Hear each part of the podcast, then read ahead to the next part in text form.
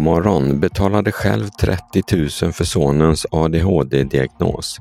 Därför ställdes Förintelsedagen i Höganäs in och asbestsaneringen i Landskrona klar. Fler bostäder kollas inte.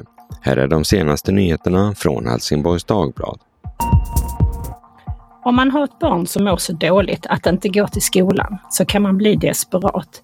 Madeleine Bondesson Berg i Helsingborg valde att betala 30 000 kronor ur egen ficka för att yngste sonen skulle få en privat ADHD-utredning. Att sätta in medicin kostade ytterligare 2 500. Familjen hade ställt sig i kö för utredning på BUP våren 2023. Men i början av november kontaktade de en privat vårdgivare i Malmö. En och en halv månad senare var diagnosen klar. Barnpsykiatrin i Skåne har inte längre hjälp av externa vårdgivare för att göra diagnoser. Utredningarna upphörde i augusti 2023 efter ett politiskt beslut. Det innebär att köerna växer på BUP i Helsingborg. Läs hela intervjun med mamman och med BUPs enhetschef på hd.se. Kultur och fritidschef Anna Sjöborg var inte ensam om att bestämma att Förintelsens minnesdag skulle ställas in i Höganäs i år. HD har pratat med Höganäs partier om frågan som har blivit en riksnyhet. Kommunen började diskutera sina arrangemang redan förra året när Säpo höjde terrornivån i landet från en trea till en fyra. Under, under hösten diskuterade Anneli Sjöborg Förintelsens min, minnesdag med kulturchefer i grannkommunerna där man inte skulle ha något högtidlighållande. Det som avgjorde det var polisens tillståndsenhet som signalerade att det behövdes ett stort säkerhetsarrangemang. Då bestämde hon att arrangemanget skulle ställas in utan att diskutera frågan med politiken. Men hon kunde inte ana att frågan skulle få så stora proportioner. HD har ringt upp kommunens politiker som alla har svårt för att svara på om arrangemanget borde ha ställts in eller ej.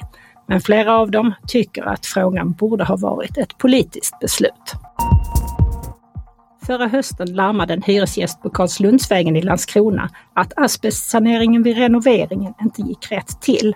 Alla springor ska tejpas när man river asbest. 36 lägenheter undersöktes och i två av dem fanns det asbestdamm.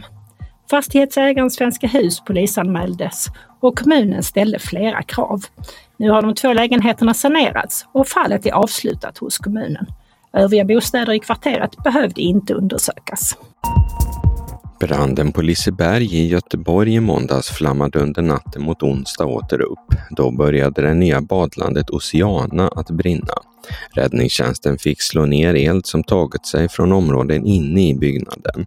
Enligt räddningstjänsten är det svårt att komma åt överallt eftersom det finns en rasrisk och man därför får arbeta på ett större avstånd än man egentligen vill. En man som arbetade på platsen är fortsatt försvunnen och polisen befarar att han har blivit kvar inne i byggnaden. Vädret. Idag gäller det att få med sig paraplyet för det kommer att regna under största delen av dagen. Framåt eftermiddagen ser det ut att upphöra. Temperaturen väntas ligga på mellan 4 och 5 grader och den sydostliga vinden blir måttlig. Det var allt från Helsingborgs Dagbladet den här morgonen. I studion Peter Färm och Yvonne Johansson. Läs mer på hd.se. Vi hörs!